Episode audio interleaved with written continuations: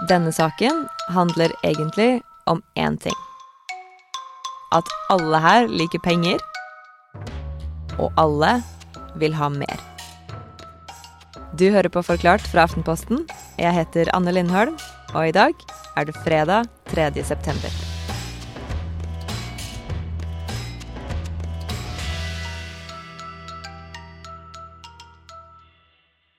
Vi har hørt det hele livet. Den norske velferdsstaten er det som gjør at du kan bli innlagt på sykehus gratis, og at du har gått på skole i mange år uten å betale for det.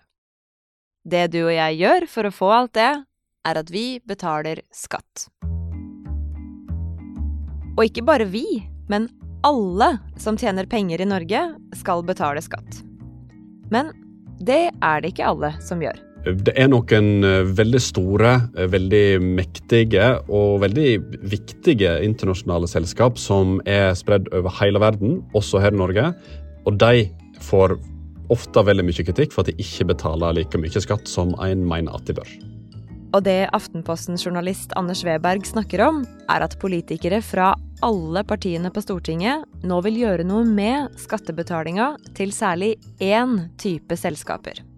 Det er en liten håndfull eh, gigaselskap som opererer over hele verden, også her i Norge. De, de har tjenester som mange er veldig glad i, og som vi bruker hver eneste dag. Det er gjerne snakk om disse her teknologiselskapene som Google, Facebook, eh, Apple, gjerne også Microsoft og Amazon. Disse gigaselskapene her eh, tjener jo veldig mye penger over hele verden, også her i Norge. Mye av det er jo på annonsesalg til norske bedrifter, og veldig masse annonsekroner som blir generert her i Norge. Så når du scroller i feeden din og får opp reklame for smykker og maling og Lotto eller en ny norsk TV-serie I mange tilfeller så er det norske selskaper som har betalt for din oppmerksomhet. Så Google f.eks. de tjener gode penger på norske annonser. Problemet er at veldig ofte uh, så blir dette utbyttet sendt ut av landet før en betaler tilstrekkelig med skatt på det, som gjør at det da de faktisk sitter igjen og betaler i skattekroner til våre helsetjenester og skoler og motorveier osv., ikke er så mye.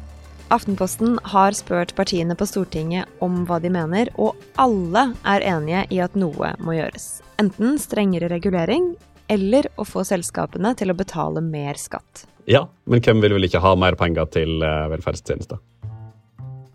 Men spørsmålet er hvordan. For det her gjelder jo ikke bare i Norge. Disse selskapene de tjener penger i veldig mange land i verden, og ofte så går de pengene opp i overnasjonale strukturer. Vi kan jo se på Google som eh, et eksempel. Det er et selskap som tjener veldig veldig mye penger, også her i Norge. I 2019, som er det siste regnskapet vi har å se til, så har Google oppgitt inntekter på 350 millioner kroner i Norge. Men mange av de som betaler regninger til Google, betaler dem ifølge Dagens Næringsliv til Google i utlandet. Og Google i Norge betaler også Google i utlandet for rettigheter. Så hvis alle pengene Google tjener i Norge faktisk hadde blitt værende i Norge og ikke blitt sendt ut av landet, da finnes det anslag som viser at det kunne blitt opp mot 4 milliarder kroner. Men det er mye som holdes hemmelig, og som er vanskelig å vite sikkert her. Men med alle tekstselskapene til sammen så kan det være snakk om mye penger. Potensielt så er det jo her snakk om eh, flere hundre millioner i mulige skatteinntekter til eh, staten Norge så er det viktig å si her at det er ingen som påstår at Google gjør noe direkte ulovlig. Og Google sjøl sier at de betaler skatt, at de faktisk i snitt betaler rundt 20% skatt på overskuddet sitt rundt i verden. De støtter sterkt arbeidet gjøre, som gjøres med å oppdatere internasjonale skatteregler. Vi håper at landene fortsetter å samarbeide for å sikre at en velbalansert og varig avtale snart ferdigstilles. Men altså, når skatten for selskaper er relativt høy i Norge, så er den lavere andre steder. Og ett land har skaffa seg en unik posisjon her. Et land som, når du ser det for deg, ikke akkurat minner deg om fancy kontorer og gründere i Silicon Valley. Du tenker kanskje heller på sauer på store grønne sletter og mørkt øl. Irland har skilt seg ut fra veldig mange andre land ved å ha en mye lavere selskapsskatt, eh, som er den typen skatt vi snakker om her, eh, enn mange andre land, f.eks. Norge. I Norge har vi i dag en skatt for selskaper på 22% nesten en fjerdedel av overskuddet, mens Irland er nede på en åttendedel. Resultatet av det er at uh, selskap som Google, Facebook, Apple osv. har plassert sine hovedkontor i Irland. Og for Irland sin del så har jo det generert veldig, veldig mange arbeidsplasser som gjør at de også kan motstille seg eh, politikk som øker denne selskapsskatten her. Så da gjør jo problemet enda mer komplisert. Så kan vi kalle Irland et slags eh, skatteparadis? Irland er jo ikke et eh, skatteparadis sånn som en tradisjonelt tenker på. Det er vel kanskje mer en skatteferiedestinasjon. Så hva kan egentlig norske myndigheter gjøre når de vil ha mer skatteinntekter fra gigantiske internasjonale selskaper? I det siste så har det skjedd ting som gir håp.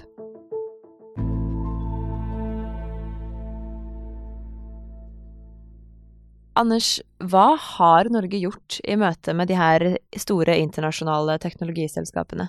Et problem er jo at mye av omsetningen blir sendt ut av landet før en kan ta skatt fra det.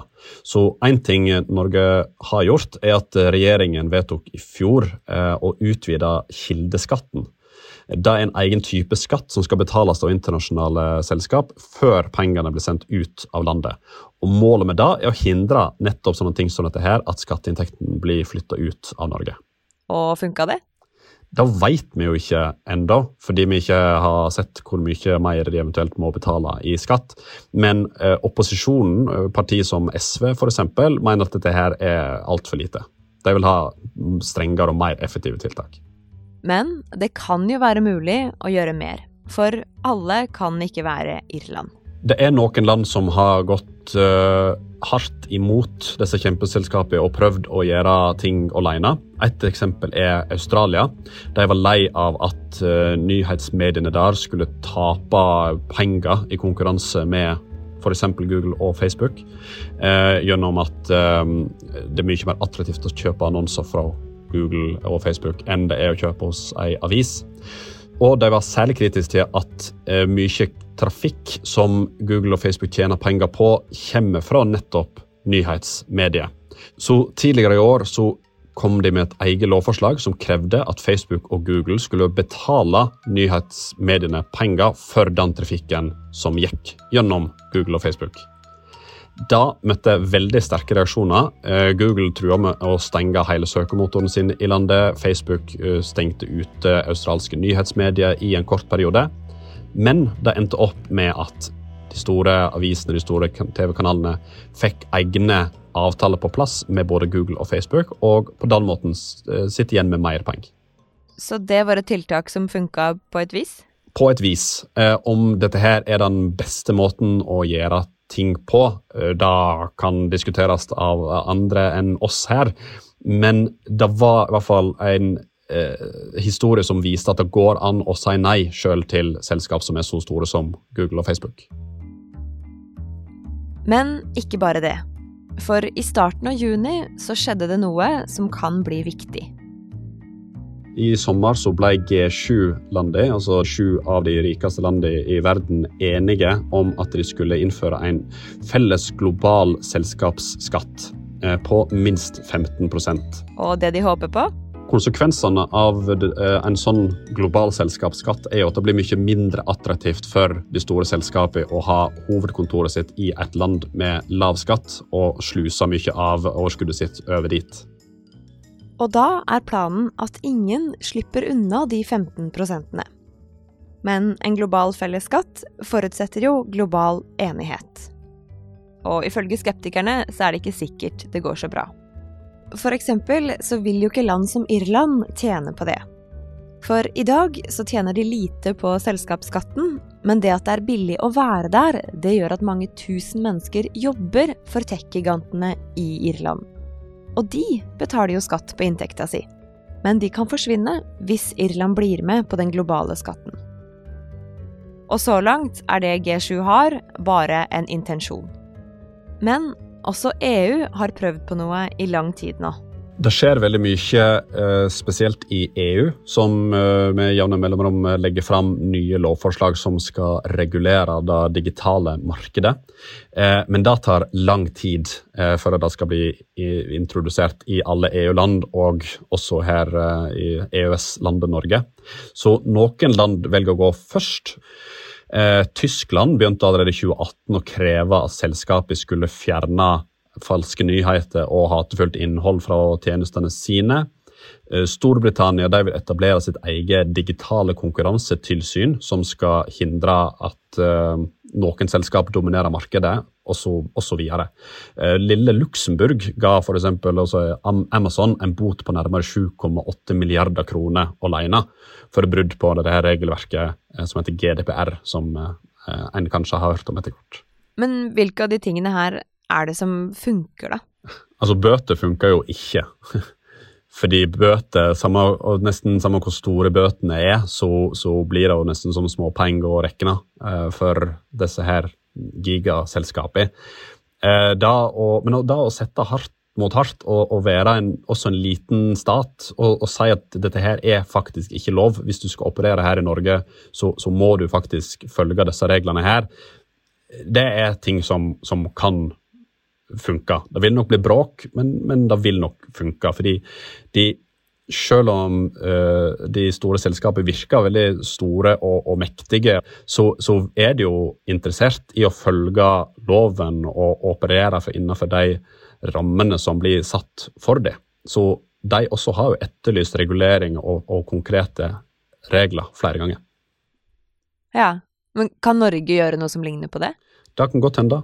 Det kommer helt an på eh, hvordan det går med stortingsvalget nå om eh, kort tid, og hva de som blir valgt inn og får makt ønsker og, eh, og vil gjøre sjøl.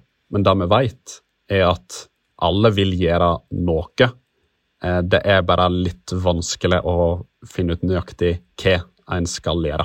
Overordna, da, hvorfor er det så viktig for norske politikere at det blir gjort noe med? Hva, hva er det som står på spill her? Eh, for det første så er det jo snakk om potensielt uh, flere hundre millioner i skattepenger. Og så handler det jo også om uh, ansvarliggjøring, og at norske borgere skal få de rettighetene og de tjenestene en måtte ha rett på. Tjenester som Google og Facebook er jo blitt såpass store og viktige i livet vårt at de nesten er regna som infrastruktur. Du kan sammenligne nesten den rollen eh, Google har med eh, det en eh, motorvei har mellom to byer, i, i viktighet, fordi det bare, det bare har en stor, så stor rolle.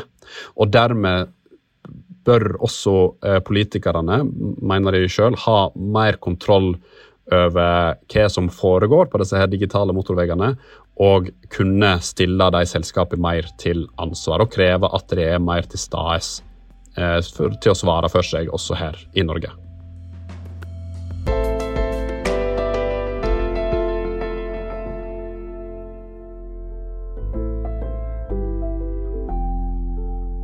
Denne episoden er lagd av produsent Fride Næss Nonstad og meg, Anne Lindholm. Og du hørte Anders Weberg snakke om regulering av big tech. Resten av Forklart er Guri Leil Skedsmo, Andreas Bakkefoss, Marit Eriksdatter Gjelland og David Vekoni.